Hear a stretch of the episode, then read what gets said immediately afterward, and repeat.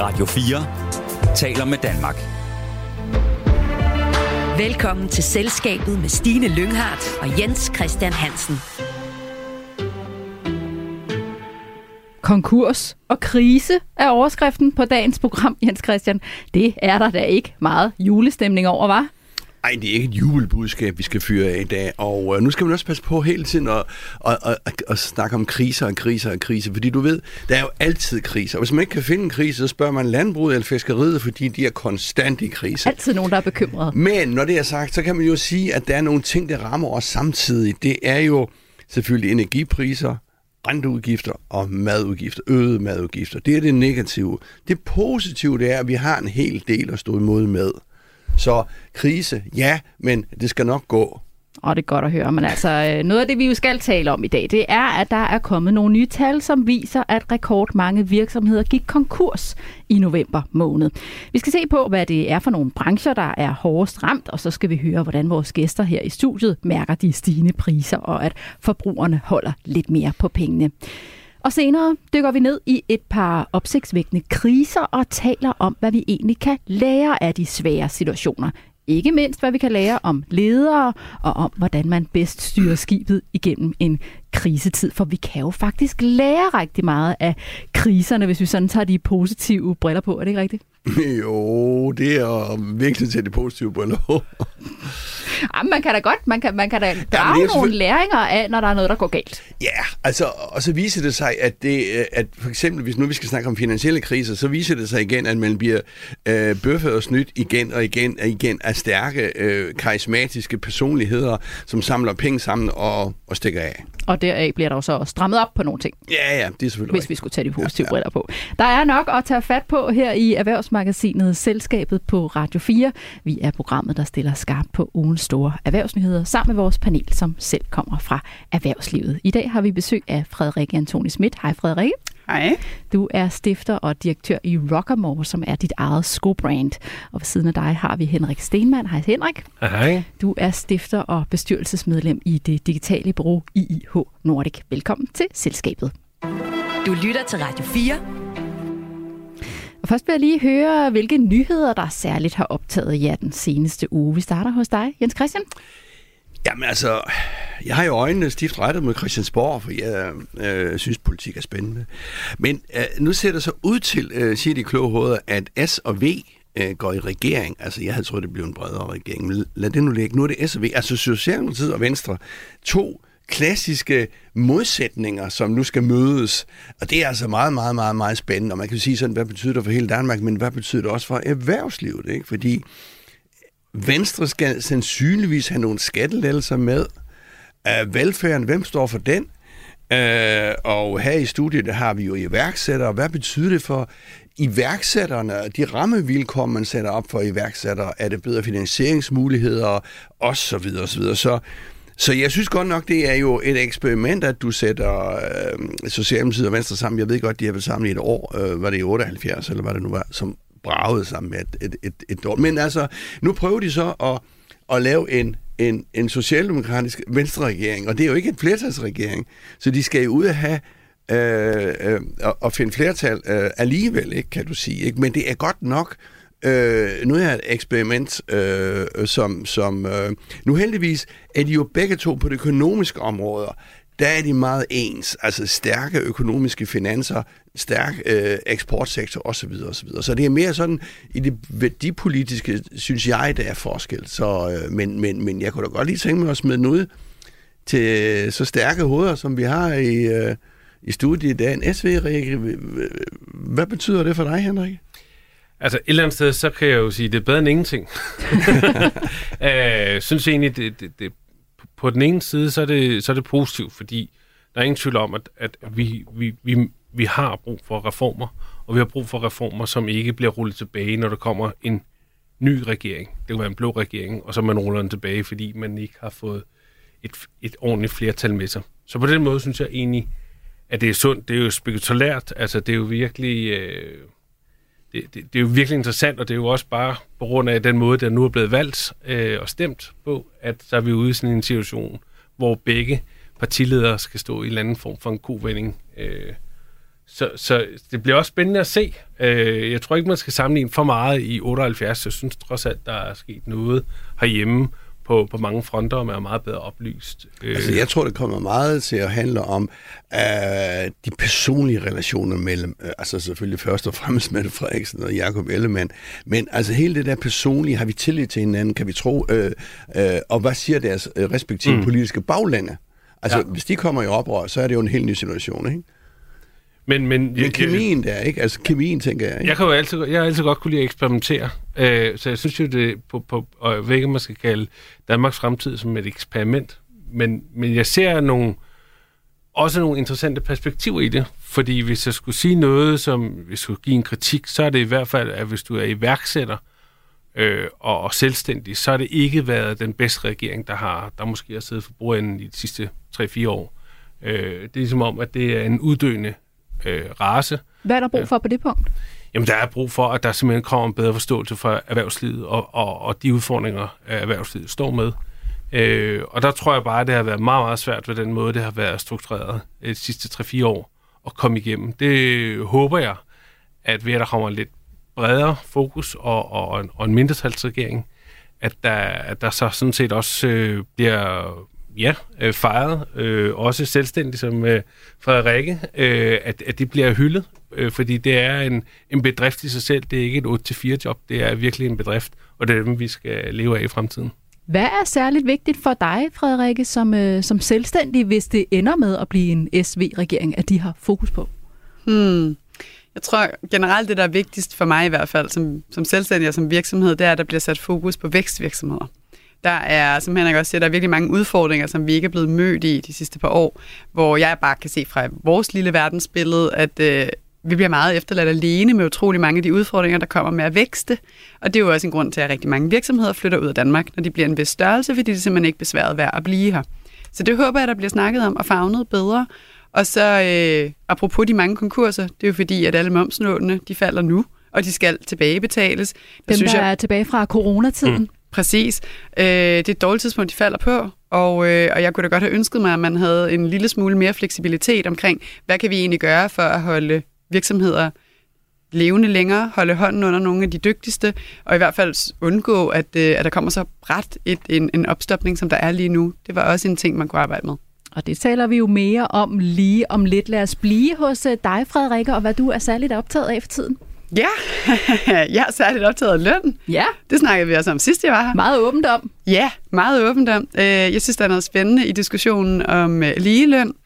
Jeg synes, det er utrolig interessant, at hver gang jeg snakker med andre mennesker om løn, så får jeg ofte serveret en, øh, det er ikke et problem, for vi har ligelønsloven i Danmark, så det behøver vi ikke snakke om. Der er nogen, der har ordnet det for os. Og øh, min opfattelse er, at vi er sådan et... Øh, et samfund, der lider lidt af det der med, velfærdsstaten tager sig af alt, så vi går ikke direkte ind i diskussionerne selv, og vi tager måske ikke så mange af de her kampe, som vi burde gøre. Og jeg synes, løn var en af de kampe, vi burde tage helt up front, åbent og ærligt. Jeg tror ikke på, at vi kommer videre med ligeløn, før vi begynder at snakke om, hvad vi hver især får, hvor meget vi er værd, og hvor meget man egentlig har lov til at tjene, før man er A, et røvhul, B, stadigvæk har det sjovt. Og når du siger helt åben og ærlig, hvad mener du så, at der ligger i det, at vi, hvordan er vi mere åbne omkring det?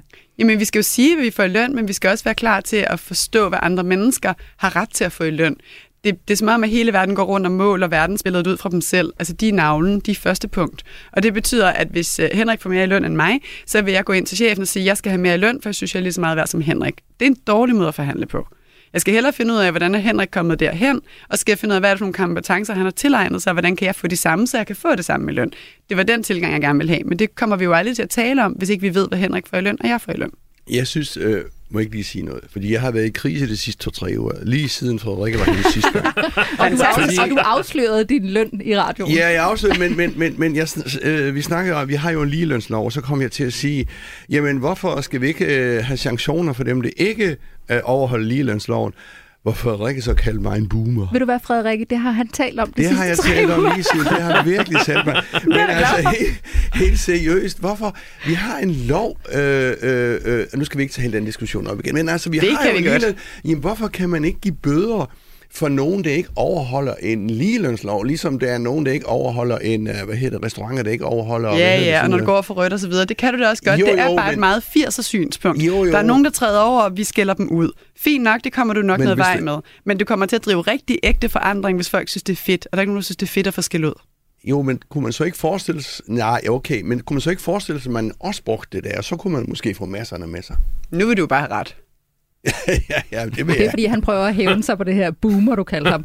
Men Henrik, du havde også en Nå, kommentar. men, nå, men det var bare, at øh, jeg, jeg har faktisk oplevet, at hvor at, øh, når, når vi har spurgt kvinder, hvad kunne de godt tænke sig, eller hvad, hvad, hvad er din forventning til løn? Hvor vi faktisk har været inde, uden at de har bedt om det. Jeg kunne bare sige, at det får du i løn, men uden at de har bedt om det, øh, så er jeg egentlig faktisk har givet dem mere, end de bad om. Øh, og også fordi, at jeg, jeg ved positivt, at, øh, at kollegaerne snakker om løn, og jeg tror, det er meget rigtigt, det der med at få det, øh, det fjerne det der tabu, få, få, få det mere frem. Men der er mange måder at gøre det med på, og jeg synes, man skulle skille til Sverige, hvordan de har gjort.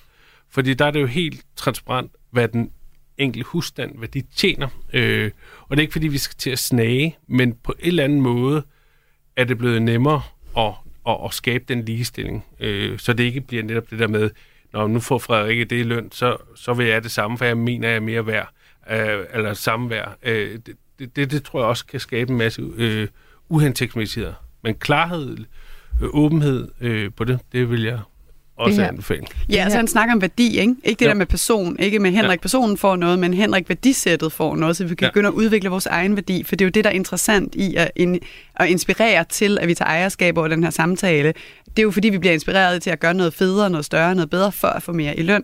Hvis vi hele tiden får skæld ud, så rykker vi os bare ikke. Det her er en debat, vi sagtens skulle fortsætte igen i dag, men lad os runde den af for nu og lige uh, slutte nyhedsoverblikket over hos uh, dig, Henrik, fordi du har jo som altid fingeren på den digitale puls. Ja, ja, og det skal jo selvfølgelig være lidt nørdet, men nu kan jeg se, at det, det var også var i andre nyhedsmedier, det er, at det er den platform, der hedder Open AI, øh, som i øvrigt er er gratis og frit tilgængelig, øh, har lanceret her i den i forgangne uge øh, en chatfunktion, hvor du praktisk talt kan spørge om alt muligt. Du kan spørge, hvad skal man øh, give en syvårig dreng i fødselsdagsgave eller julegave? Hvor meget får man i løn? meget for min løn. Øh, det ved jeg ikke. Den, den er ikke så god til, sådan, når det er meget med statistik. Men den er god til også. Nu spurgte jeg jo sådan, hvad, øh, hvad, hvad skal der til, for at man bliver en god radiovært, hvor jeg inde og spørger om. Og så kommer den op med syv, syv punkter, om at man skal lytte og være retfærdig og tale, øh, tale tydeligt og klart. Og Tager, du holde noter, pauser. tager du noter, Jens? Ja, ja, ja, Og man må ikke være for hård ved sin medkommentator, og, og ved quizzer skal man være flink. Må man og så snakke med videre. accent? Man må godt snakke med accent. Det er helt... og man skal være professionel og så videre. Men det er bare... Øh, der er allerede blevet skrevet rigtig meget om det, for det kommer til at rykke meget for dem, der går i skole, eller bare vidensbegærlige, eller godt vil vide, hvad egentlig... Og, og, og det er ikke som at søge på Google. Du får nogle meget, meget klare svar, for den har sådan set taget alt, hvad der er det skrevet står, øh, frem til 2021, øh, og egentlig kogt ned, hvad er det så? Og Men Henrik, er det. det ikke, ja, undskyld, men altså, er det ikke, ligesom, det er vigtigt, når man søger på Google, altså man skal være klar, hvad man søger om. Skal man så ikke også være klar, hvad man spørger om her? Jo, det, det kan du sige, men, men den, jeg synes egentlig, den øh, går, altså når man går ind og spørger, og man får at vide, hvad skal man være forberedt på, eller hvordan bygger man en god historie op, eller hvad det nu måtte være, så synes jeg faktisk, den kommer med nogle ret gode svar. Til forskel, hvis du søger på Google, så ved du ikke, om det er en eller anden blogger, eller nogen, der bare får det til at ligge højt, eller lignende. Men du får faktisk nogle gode svar, og hvor du så kan dykke videre ned i, øh, øh, i det, du nu undersøger. Så jeg vil sige, at i forhold til at, at bruge tid på at undersøge på nettet, så er det her tip givet videre. Det er altså nogle øh, spændende perspektiver her, også for os som øh, radioværter. Tak for ugens nyhedsoverblik. Du lytter til Selskabet på Radio 4. I studiet er Frederikke Antonie Schmidt fra Rockamore, Henrik Stenmann fra IIH Nordic, selskabets faste erhvervskommentator Jens Christian Hansen, og jeg hedder Stine Lynghardt. Der er mange virksomheder, der har det svært for tiden. Inflationen er høj, energiregningerne er banket i vejret, forbrugerne holder sig tilbage, og så er der stadig nogle virksomheder, der har en regning fra coronakrisen liggende, som jeg også lige talte om. Og kombinationen af alt det her har betydet, at rekordmange virksomheder gik konkurs i november måned, viser en ny analyse fra SMV Danmark, som organiserer de små og mellemstore virksomheder. Jens Christian, det var helt præcis 331 virksomheder, som måtte lukke og slukke i november, og det var vel at mærke virksomheder, der havde ansatte og var normalt kørende, om man så må sige. Er det et særligt svært tidspunkt at være virksomhed lige nu? Ja, det tror jeg. Altså, vi kan måske også vende tilbage. Jeg tror også, det er nogle muligheder, men det kan vi måske vende tilbage til. Ja, det er da selvfølgelig svært, og øh, jeg tror da også, øh, mange af de konkurser her, vi har været lidt inde på det før, er sådan, sådan afløb fra coronatiden. Ikke? Altså, erhvervslivet er jo kendetegnet ved, i hvert fald inden for, for eksempel bygge anlæg, restauration og hotel. Altså virksomheder starter og går ned og starter og går ned. Altså der er en enorm omsætning i øh, ansatte virksomheder. Og vi kan jo huske under corona, hvor øh, en masse virksomheder, måske også udygtige virksomheder, blev holdt i live øh, fordi de kunne skubbe øh, moms og forskellige skatter og afgifter, øh, som jo så øh, staten øh, øh, skubbede. Men nu nu falder hammeren så. Og, øh, og det er måske ikke blevet bedre af, af, af de der dårligt drevne virksomheder. De har måske fået kunstigt forlænget deres liv med et par år, hvis man skal være lidt kynisk. Og Frederikke, nu er du jo i detaljbranchen, som er en af de brancher, der har det svært for tiden. Du har selv butikker, du har en øh, produktion af sko i Italien. Kan du godt mærke, at det er nogle sværere tider, vi er i lige nu? Ja, selvfølgelig. Der er, øh, der er de samme antal kunder, jamen det er der jo så ikke. Altså der er folk køber mindre, så der er mindre kunder, men det er som om, vi er mere bange for at bruge penge, selvom vi stadigvæk har penge. Så det er sådan en form for mental krise, hvor den er der, den ligger og lurer, den er ikke helt kigget ind, der er ikke så mange, der kan mærke så store forskelle i deres egne udgifter på månedlig basis, men, men de hører hele tiden om, at det burde de kunne, når recessionen kommer, der sker noget, så derfor holder de igen. Så vi kan da helt sikkert mærke det. Men jeg vil bare lige sige en kommentar til, til det her med virksomheder, der lukker. Jeg er lidt træt af, at retorikken lyder på, Nå, men det var også nogen, vi holdt kunstigt i live, eller det var også bare for dårligt, det var nogle dårlige virksomheder, og så kunne de få lov at gå konkurs, og de burde egentlig være gået konkurs noget før, for de kan jo ikke finde ud af det. Kunne man ikke i stedet for at være gået ind og kigge på, her har vi rent faktisk nogle virksomheder, folk har bygget op. Der er omsætning, der er ansatte, og der er menneskeliv, der bliver påvirket af det her. Hvordan hjælper vi dem bedst muligt? I stedet for bare at lade hammeren falde. Det kan da godt være, at de ikke kan finde ud af at styre deres regnskaber. Det behøver ikke at betyde, at det er en dårlig virksomhed. Men hvordan eller at du... den ikke har fremtid. Hvorfor gik vi ikke ind og hjalp dem? Jamen det er jeg enig, men hvordan delen vil du gå ind og sige, i en virksomhed, jo, som øh, øh, du er god, og du er ikke god, altså hvordan skal man fra bankens side, eller fra det offentlige side? Er det ikke svært? Eller, hvordan? Kunne man ikke lave et organ, helt ligesom man har til banker, der er ved at gå konkurs? Så er der nogen, der går ind og overtager og finder ud af, hvad sker der her? og så kigger på hele... Øh, hvad hedder det, øh, strukturen i, hvordan den her bank er bygget op. Jeg ved godt, det er meget mere komplekst, men hvorfor har man ikke sådan en helpdesk, der kan integreres i de virksomheder, der har det hårdt? Altså, du og så har kan... jo sådan noget med vækstfonde og Erhvervs. statslige ja, dem erhvervs kender jeg godt. Det er og... ikke den service, de provider. Nå, okay. Øh, men, men ja. Henrik? Men det er jo jeg, jeg, jeg også, nu når der bliver talt om, at der er så mange konkurser, så er det jo helt rigtigt. Det er 48 procent af dem, der er gået konkurs, var med et, med et momslån, der skulle betales tilbage. Og der er ingen tvivl om, at der havde det været klædeligt, at, at man havde måske givet en udsættelse, øh, fordi det falder på et, ja, det falder bare på et dårligt tidspunkt. Øh, det er nu her, hvor der faktisk kan være noget mere øh, omsætning i forbindelse med, med julemåneden. Øh, Øh, og så er det ligesom, det er nu, vi skal have det. Så, så lad den hellere falde i, i januar eller februar, hvis det endelig skal være. Men det er sådan en mindre detalje. Jeg synes jo også, at når vi snakker om konkurser i Danmark, så er vi meget rigide. Du kan ikke betale, og det er ofte så er det jo 12 skat, der melder dig konkurs. Øh, og, så, og så kører rumlen. Hvis man tager UK for eksempel, øh, der går man ind faktisk og, og forsøger, og præcis det du gør, øh, øh, nævner Frederik, det er, at man faktisk går ind og kigger på den enkelte virksomhed, og man prøver faktisk at og lade den være i en stillstandsperiode, hvor man prøver at gå ind og lade den redde af investorer eller folk, der er entusiastiske eller noget andet, sådan så man ikke bare taber værdien på gulvet. Fordi du kan ikke, hvis du er en hvis du en, øh, nu så du en øh, køkkenfirmas konkurs, den kan du ikke holde i, lukket i, i en måned eller to, øh, og så prøve at starte det op igen.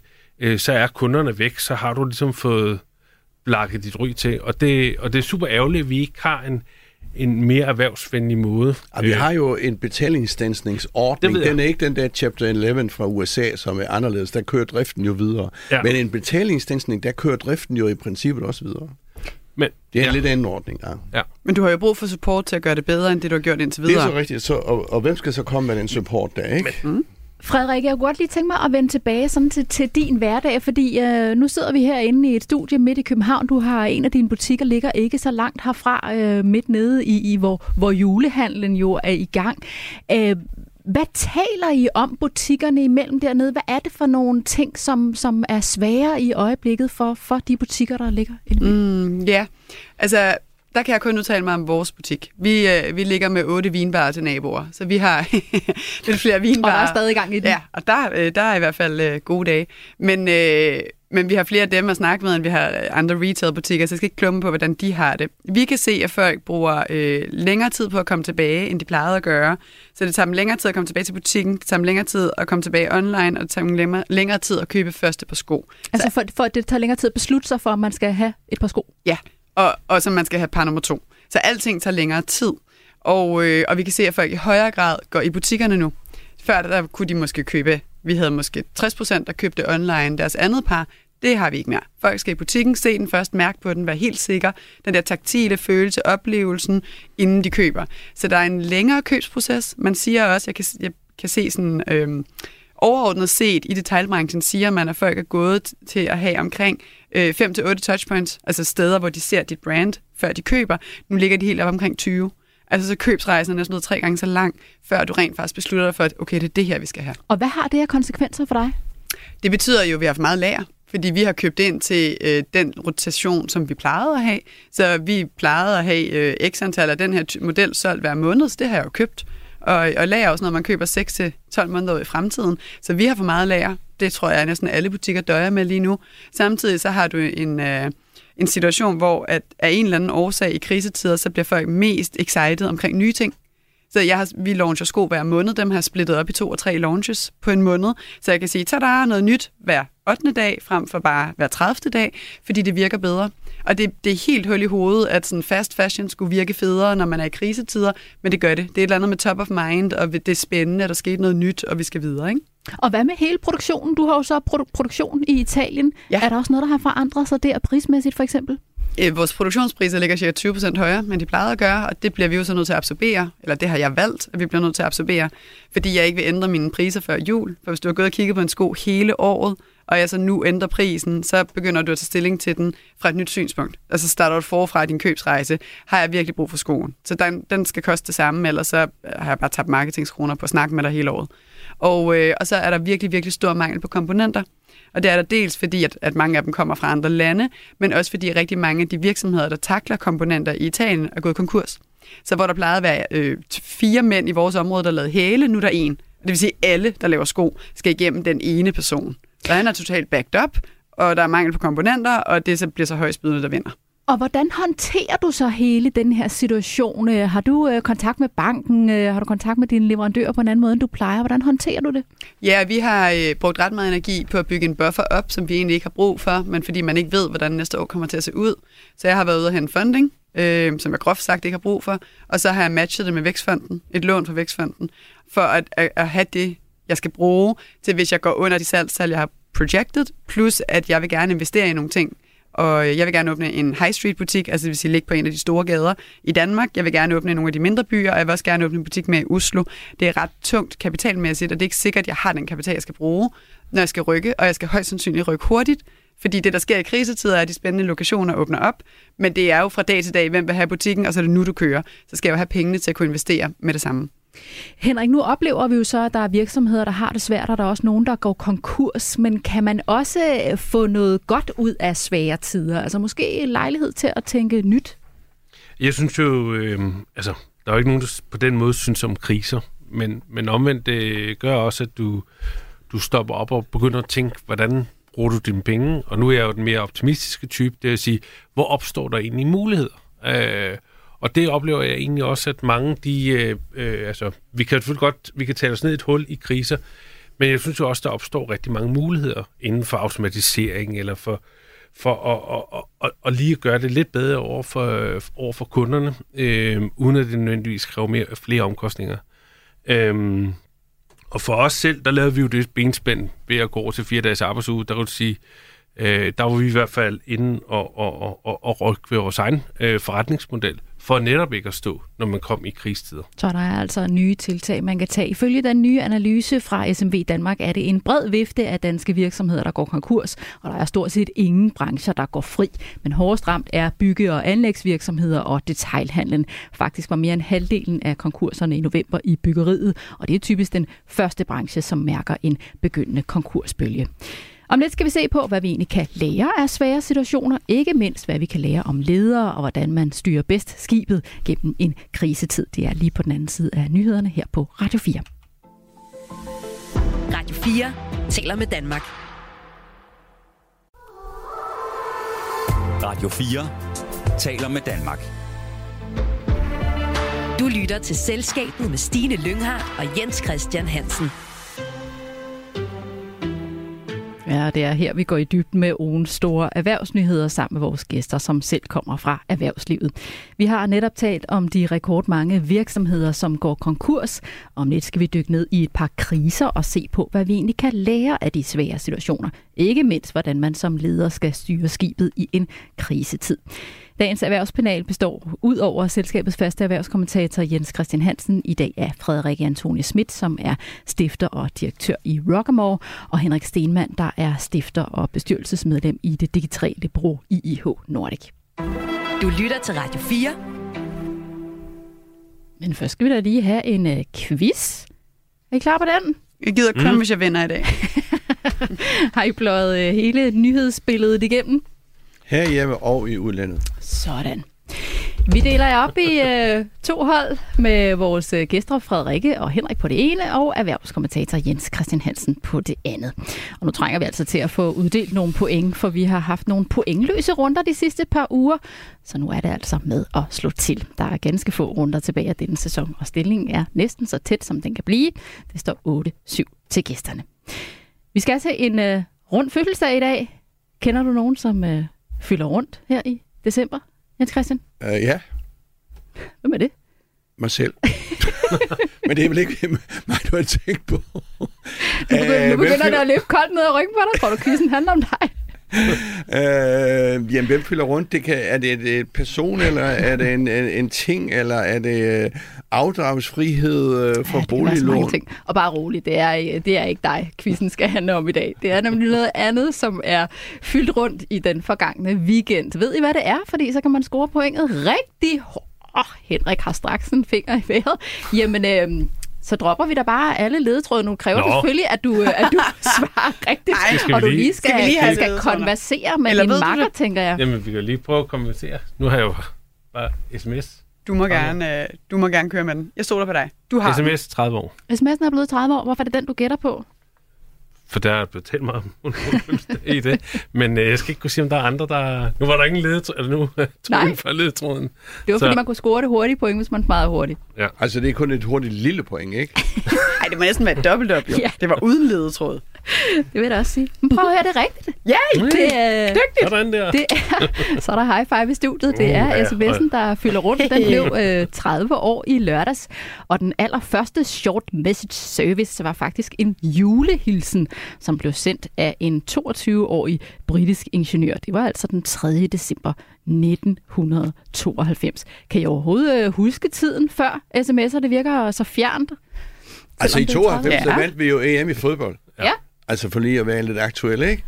Det Øh, sms'ede du ikke hjem om, for det var først lidt senere på året, at, øh, Ja, det var det at bedste. det kom. Ja.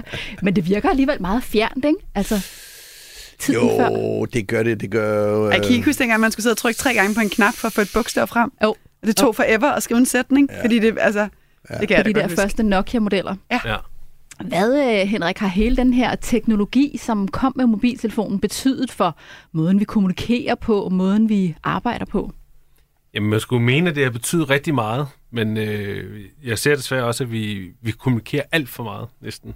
Øh, og øh, det er nogle gode sociale medier, der har fundet ud af at, at udnytte til det ypperligste, som vil gerne have folks tid helt gratis. Øh, så, så der er ingen tvivl om, at øh, øh, og også de mange platforme, der kommer jo hele tiden platforme, som der kommer nye generationer, Snapchat, Snapchat øh, TikTok og så videre, øh, og WhatsApp og ja, øh, så, så vi kommunikerer rigtig meget på mange forskellige platformer, Og jeg tror faktisk, det kan, være, det kan ligefrem være en stressfaktor, fordi har du skrevet en mail, har du skrevet en sms, har du skrevet messenger, har du skrevet en snap, øh, du ved. Øh, så jeg ser også mange, de siger, jeg bruger kun den her kommunikationskanal, ikke? Men jeg tror næsten, det er for, der, der er for meget. Og er det ligesom startet, øh, den udvikling med sms'en? Ja, altså sms'en, den, øh, den bliver jo slet ikke brugt blandt uh, unge mennesker. Der er du, øh, der er du totalt old school, hvis du bruger sms eller e-mail for en sags skyld, altså i, i deres optik.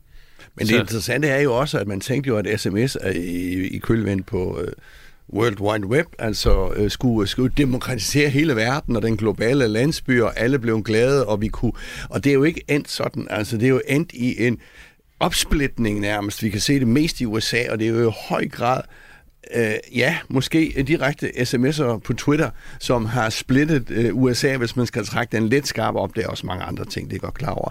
Men hvis man skal trække den lidt skarp op, og der er jo enig med Henrik, at der har det jo været ikke en fordel, fordi, men, men en, en, en dårlighed for demokratiet, hvis man skal øh, hæve det lidt op i, øh, i det store perspektiv. Det synes jeg.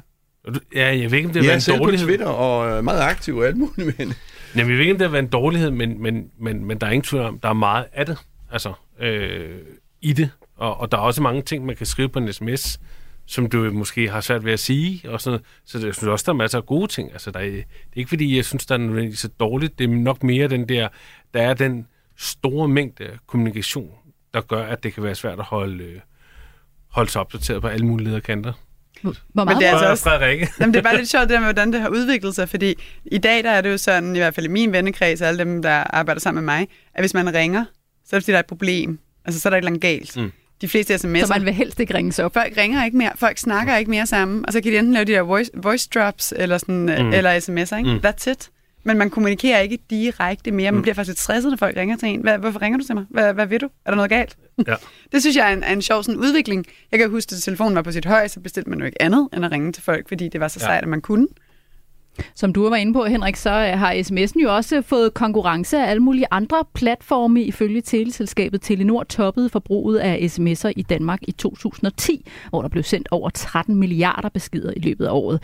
I dag er forbruget faldet til omkring en tredjedel, så øh, sms'ene er jo faktisk allerede øh, lidt på vej på pension. Hvad siger det om udviklingen på det her område, Henrik? Jamen, det siger vi, vi er jo ikke færdige endnu, og vi ved ikke, hvor, ligesom, hvor vi, kan du sige, man kan ikke engang snakke om, hvor vi ender. Men det er i hvert fald helt sikkert, at sms'en vil være for, for nedadgående. Øh, øh, og, og, og, og for nogen, der vil de ikke gå væk fra sms'en, så det første, når man ikke kan sende sms'er mere, at de, de stopper. Så der vil altid være nogen, der bruger sms'en. Så den vil altid bestå i øh, en eller anden grad. Jamen, tillykke til øh, gæsterne, så i armen over kors over med Jens Christian. Tillykke til gæsterne med sejren i dagens quiz. Stillingen er nu 9-7 til gæsterne, og skal vi ikke også sige tillykke til sms'en med de 30 år. Og Jens Christian, nu nævnte det jo selv. Du har jo også en rund fødselsdag på vej på fredag. 70 flotte år.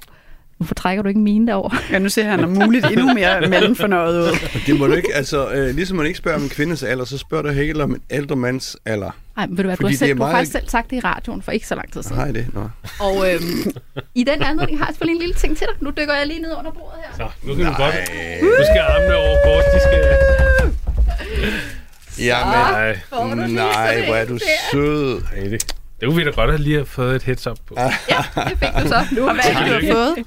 Jamen, øh, jeg har fået, ja, det skal jeg jo sige, jeg har jo fået en uh, fin uh, uh, fransk vin, Chateauneuf de Pape, det her, uh, Selektion uh, Laurence, Lawrence uh, Ej, er der flag i?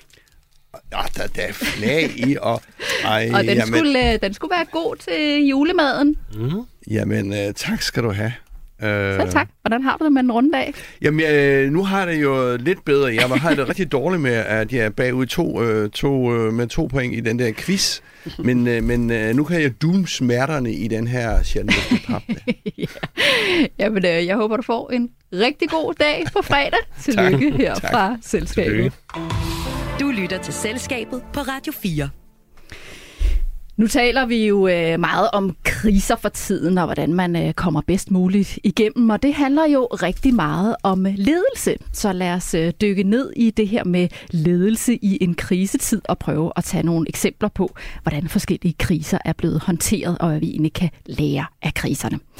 Jens Christian, øh, den første krise, vi skal kigge på, det er finanskrisen. For der er faktisk lige faldet øh, en dom i en sag fra den gang, som har strukket sig over en del år efterhånden. Det er den tidligere bankdirektør Nils Valentin Hansen i Roskilde Bank, som er blevet dømt til at betale næsten 232 millioner kroner i erstatning for sin rolle i forbindelse med bankens krak tilbage i 2008. Og med dommen er der sat juridisk punktum efter finanskrisen. Kan du ikke lige prøve at først lige at rise de store linjer op, så vi lige kan få genopfrisket, hvad det egentlig var, der skete under finanskrisen, og så også med Roskilde Bank? jo, Stort altså nu, spørgsmål. nu, nu står det en flaske fransk vin uh, her foran mig uh, med flag i, og, og så skal jeg Så til at tale om, nu, eller og, og, og så skal jeg til at tale om uh, finanskrisen. Men, Stine, vi må til det.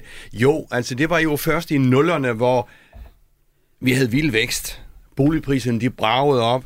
Alt var godt. Vi fik flekslån øh, for boligejerne. Vi fik afdørsfri lån. Og så ramlede det hele lige pludselig i 2008, da vi fandt ud af, at alt var sket for lånte penge. Øh, pyramidespil var på sit højeste, så prime-lån, som nogen kan huske i USA, altså hvor man skubbede og pakkede nogle mystiske boliglån og solgte dem videre med en helt anden markat på, osv. osv. Så i 2008 så bragede Lehman, en amerikansk bank, sammen, og det betød så, at hele verdens finansielle markeder frøs til is. Fordi de der markeder er kendetegnet ved at have tillid til hinanden og have kreditter hos hinanden, øh, og det går lynhurtigt. Og så lige pludselig var det, tsk, så var det frosset helt fast. Øh, og dengang var bankerne ikke finansielt, øh, øh, de havde ikke nok fedt på sidebenen til at klare sig igen, så staten måtte ind med ja, den største øh, øh, håndsrækning nogensinde, også over for Danske Bank, for at holde øh, systemet øh, kørende. Så det var sådan i meget kort træk den, den globale øh, finanskrise, som bragede ind over Danmark, fordi Danmark også selv skubbede til med nogle dårlige ledede banker. Og herhjemme, der var det jo så Roskilde Bank, der ligesom blev symbolet på hele øh, finanskrisen.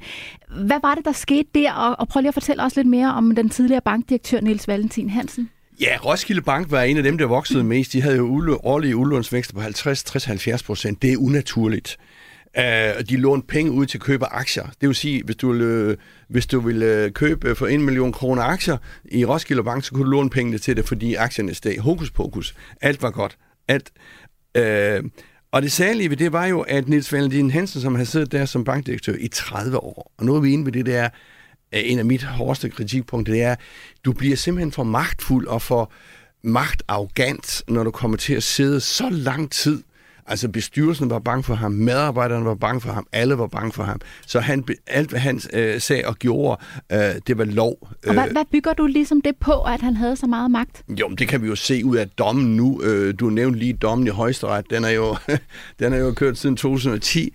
Øh, først blev alle frikendt i øh, Østre Landsret i 2017, og så appellerede man, øh, og så blev direktøren, kun direktøren, dømt for at have lavet dårligt øh, bankhåndværk ved seks øh, kreditter, mens bestyrelsen blev frikendt.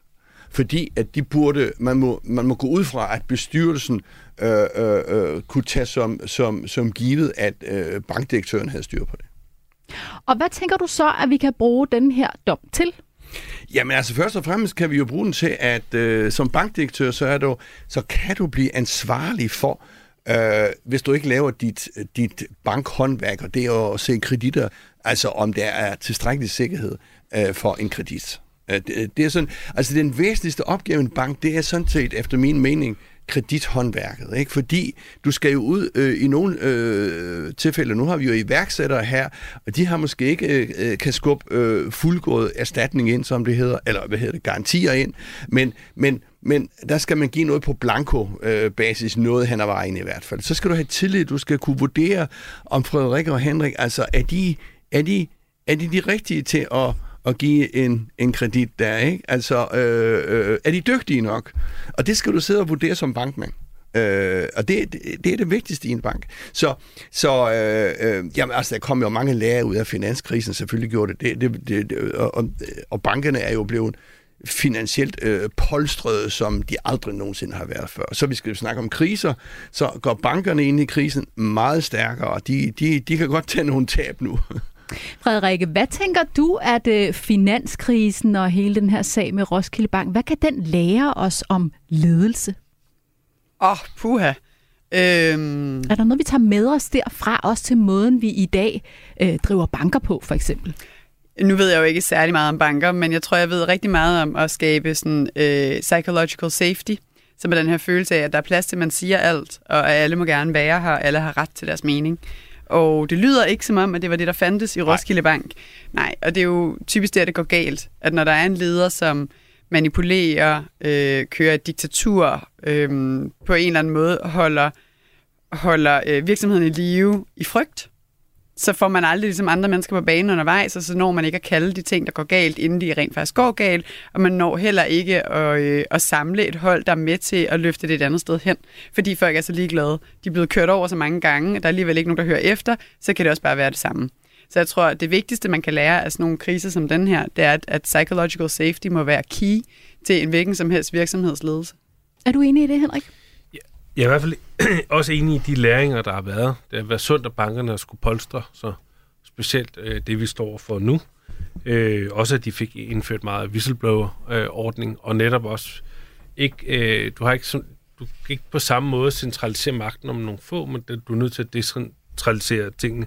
Så det synes jeg egentlig er positivt, fordi bankerne spiller den væsentlige rolle, at hvis de er ude af ligningen, så er der intet erhvervsliv, der kan fungere på, på nogen som helst måde. Og det var også derfor, man gik ind og gav de her krisepakker. Så jeg synes både øh, banker og jeg synes også virksomheder har lært meget af det. Altså, det, finanskrisen står stadig personligt meget klart, øh, fordi øh, vi var blevet lovet, at vi kunne låne, altså vi skulle bare sige til, at vi skulle låne nogle penge, øh, og det var, og var og godkendt det ene eller andet, og lige pludselig blev det reddet over øh, overnight, at det kunne vi ikke lade sig gøre. Så det er som you on your own. Øh, og det har, det har lært os at lægge til side. Øh, det har lært os at, at, at være, øh, have respekt for penge. Altså, øh, så jeg, jeg synes egentlig, alt i alt, så er der kommet noget positivt ud af det. Altså, det var jo så grotesk, at mange af disse banker tilbage i tiden, de ringede jo rundt og så, så siger, kunne du ikke have lyst til at låne 200 øh, millioner? Nej, det har jeg ikke lige brug for. Jo, jo, men så kan du bare købe nogle aktier i vores bank. Det er så blevet forbudt, mm. at det der med, at du må låne til aktie kreditter, som det hed i en egen bank. Ikke? Og det er sådan et lille eksempel på, hvor, hvor cowboyagtigt øh, det har været i sin tid. Af, ikke? Hvad tænker du er den vigtigste læring af det her forløb? Ja, det ved jeg sørge mig ikke. Altså, fordi der kommer krise igen. Der kommer også øh, finanskrise. Nu siger vi jo godt nok, at øh, øh, de store banker, de er too big to fail, som det hedder. Altså, de må ikke gå ned, det som Henrik siger, fordi så smadres hele samfundsstrukturen, hvis det ikke er øh, finansielt. Men, men øh, selvfølgelig får vi en finanskrise igen, og selvfølgelig får vi en kreditkrise igen. Men øh, øh, så, så, altså, der er jo ingen kriser, der er ens, og alligevel kan man tage nogle enkelte del ud af det. Ikke? Og nu kan man i hvert fald sige, hvis vi kigger ind i de næste par år, hvor vi har kriser med hensyn til, til, til forbrugere og boligejere, der står bankerne stærkere, så vi får ikke det der hug, øh, som vi fik i 2008. Du lytter til Selskabet på Radio 4. Vi er i fuld gang med at tale om, hvad vi kan lære af kriser, ikke mindst i forhold til ledelse. I studiet er Frederik Antoni Schmidt fra Rockamore, Henrik Stenmann fra IIH Nordic, selskabets faste erhvervskommentator Jens Christian Hansen, og jeg hedder Stine Lynghardt. Lad os øh, også lige runde en anden leder, som har sat sig selv på en svær opgave. Det er Elon Musk, som er i gang med den helt store forandring i Twitter, med store nedskæringer og ultimatumer til medarbejderne om, at de skal sige ja til at arbejde hårdt, ellers vil de blive blive opsagt. Hvordan synes du, Henrik, at han øh, håndterer hele den her situation? Ja, jeg, jeg, jeg vil sige, at han er ikke lige sådan den leder, jeg øh, øh, vil lægge mig op af. Altså, jeg har stor respekt for Elon Musk, hvad han har bedrevet. Øh, jeg forstår også godt, at når han er bare i en større skala overtager en virksomhed med sine egne penge, om du vil, øh, så har han måske haft et behov for at rydde op i en kultur, Øh, og der er han ligesom slået med den store hammer, må man sige. Øh, og er kontroversielt i mange af sine, sine ting. Øh, så man er lidt på vippen af, er han fuldstændig gal, eller er han genial? Fordi jeg mener også, at, at det kan være enormt farligt, hvis der hersker en dårlig kultur i en, i en virksomhed. Øh, Twitter har sådan forretningsmæssigt ikke udviklet sig. Øh, snart tværtimod. Øh, så der er også brug for, at der sker noget? Det vil jeg også sige, der er. Men det er jo en langt større skala. Øh, det er jo ikke ualmindeligt, at der er en virksomhed, der overtager en anden virksomhed, måske en mindre størrelse, og så, så bliver der rusket rundt på, på forskellige lederkanter. Det er det så bare så dramatisk, og, øh, og jeg kan ikke, øh, ved simpelthen ikke, om det er, fordi han penge, magt og, og, og sådan øh, ved bedre, at, at det er det, der spiller ham et, et pus her. Det, det skal jeg ikke kunne sige. Det man jo tit ser, og jeg tror, du var lidt inde på det, Frederik, det er jo det der med, at nogen bliver så stor, så ingen tør sige noget. Altså, det er jo ikke en, ingen tvivl om, at Elon Musk har gjort meget med sine Tesla-biler og banket den der øh, lidt konservative bilindustri, øh, eller øh, få dem til at vågne op og lave om til elbiler, hvad det nu er. Men, men nu er han så stor, som mange tør jo ikke stille de der øh, lidt dumme spørgsmål, eller øh, sætte sig op imod ham. Og det er jo, øh, det er jo ligesom mm. med, vi så det også med FTX, øh, kryptovaluta, øh, øh, manden der, som ja. jo øh, tog 14 millioner, øh, milliarder og stak af. Altså, det der med, at lidt det samme i Roskilde Banken, altså ingen tør øh, har tur sige noget, at jamen, går det der, er det, er det ok? Altså, og jeg ved ikke, hvordan vi kommer over det system. Øh, noget af det hen ad vejen er vel, at man har en kultur, hvor man tør sige det. Jeg ved ikke rigtig, hvordan man dyrker sådan en kultur, hvis du har en konge, der sidder øverst oppe. Hvad siger du til det, Frederik? Først og fremmest skal du netop ikke have en konge. Du skal jo have et flat, et, et, et flat virksomhedsstruktur. Øh, og dernæst så handler det vel egentlig om at inddrage alle medarbejdere i alle, ikke alle, men alle, mange store øh, samtaler, workshops, diskussioner, konklusioner, mm. og at alle har ansvar for deres eget område, og du ikke blander dig i, hvordan de løser ting, men at de bliver løst. Der er mange små ting, man gør for at skabe den der følelse af tryghed, men det er jo, det er jo basically det samme som at have en familie. Sørge for, at alle har det fedt med at være der, og at alle ligesom står på mål for deres egne ting, og at de føler, at de bidrager til at gøre en forskel. Men kan der ikke også komme noget godt ud af det, som øh, Musk har gang i? Altså han har jo netop, som Jens Christian også er inde på, han har udrettet mange store ting og, og været på forkant med udviklingen. Øh, Simon Kvistgaard ser her i programmet sidste uge, at det kunne være begyndelsen på et opgør med hele mellemledervældet, som han kaldte det, øh, som kan gøre, at andre virksomheder kan slanke sig markant. På den måde kan han jo også banke, øh, bane vejen for at gøre tingene på en ny måde. Ja, det kan man selvfølgelig sige. Nu tror jeg ikke, der er nogen af os, der rigtig ved, hvordan hans lederstil er, for vi har jo ikke set det. Men det, man kan læse om, er jo, at han ikke tror på andet end 5-minute meetings, hvor jeg godt kan tænke, hvor meget fokus kan du nå, hvor meget dybde kan du nå på 5 minutter, hvis du kun holder et 5 minutters møde med din strategimenneske eller dit C-level. Ikke? Øh, derudover så tænker jeg også, der må være nogle andre mennesker i, øh, øh, i Tesla, som løfter driftsansvaret. Der må være noget ledelse, der bakker ham op. Han har simpelthen ikke gjort det der alene. Han har helt sikkert været sådan en stjerne, en frontfigur, han har løftet nogle visioner, han har fået folk med sig. Det har han været dygtig til, men han har ikke løftet det alene. Og en af problemerne ved Twitter er, at han sidder der alene. Han har Twitter helt alene. Det er ham, der skal lave alt. Og det synes jeg helt personligt ikke, det ser ud som om, han er i stand til at kunne. Skal vi ikke også lige øh, nå at runde nogle ledere, som har håndteret en krise godt? Har du nogle eksempler på det, Henrik? Øh, altså, vores, en af vores egne herhjemme, det er Jørgen V. Knudstrup, øh, da han kom til i Lego i 2004, mm. som var noget, øh, øh, man kan sige, noget vingeskudt, må man sige. Og en alder af 35 år øh, træder ind i, i en, en virkelig øh, stor rolle, og faktisk formår at, at gøre og, og lægge grundstenen til det, hvad, hvad Lego er blevet til i, i dag. Det, det synes jeg er vildt imponerende. Øh, og så er der også øh, Microsofts tredje direktør, Satay, øh, hvad det, Satya som, øh, som, som overtog roret i 2014, og hvor jeg personligt synes, at Microsoft var i den grad faldet i søvn på alle mulige lederkanter. Der synes jeg, at man ser et Microsoft i dag, som er meget mere øh, up, to, up to date øh, og følger med den udvikling, der egentlig sker. Og hvad er det, de har gjort særlig godt? Jamen, der er jo der var mange elementer øh, i det, øh, men vi kender alle sammen øh, Office Parken, øh, som vi øh, bruger, det, øh, bruger det daglige øh, Teams, øh, som, som vi havde glæde af under pandemien, øh, og generelt den innovation, der har været i Microsoft, har været faktisk ganske imponerende. Øh, de ejer jo også LinkedIn, øh, det glemmer man nogle gange. Er du enig i dem, som Henrik peger her på, Jens Christian? Ja, meget. Jeg har jo også selv skrevet øh, Lego op. Det er en af de store, man skal huske i Lego, da, da han startede med at sige, uh, vi skal ikke øh, bevæge os ind i den helt vilde digitale tidsalder. Det skal vi også, men vi skal tilbage til den almindelige klods. Og så tænker man, what? Altså, det er jo helt hendes skov, men det viser sig at være en rigtig, ja. en rigtig kombination. Jamen, der er mange af vores øh, store virksomheder. Øh, Vestas og Danfoss har været ude præcis det samme. Altså, de var helt ude i tårne på et tidspunkt. Og lige aktuelt har vi jo øh, Danske Bank som har været i krise de sidste 3-4 år, og der står 20.000 medarbejdere ude ved skranken og i telefonerne, og hvor de møder kunderne, og hver gang skal de høre, ikke hver gang, tit skal de høre om uh, hvidvaskskandalen. Uh, det er jo en ledelseskrise, en kommunikationsopgave at, at løse sådan en krise. Det er en kæmpe opgave. Når du, øh, Frederik, som leder skal spejle dig i måden andre leder på, lærer du så mest af dem, som falder med et brag, eller dem med succes, som øh, sætter nye standarder, vækster og udvikler? Hvad er det, du øh, spejler dig i? Jeg lærer dem, der er transparente. Så apropos Elon Musk, jeg kan ikke hele billedet, så jeg kan ikke forholde mig til, hvordan han er som leder. Jeg kigger rigtig meget på dem, der tør at sige, hvad det egentlig betyder for dem at være leder, hvordan de dealer med det, hvad for nogle udfordringer de har. Øh, Jeg kigger rigtig meget på amerikanske ledere. Jeg synes, der er mange spændende TED-talks om ledelse. Og, øh, og en af dem, jeg bliver ved med at vende tilbage til, er en fyr, der hedder Ricardo Semler, som har lavet en TED Talk, der hedder How to Build a Company with Almost No Rules. Den er 10 år gammel, og den er stadig ekstremt aktuel.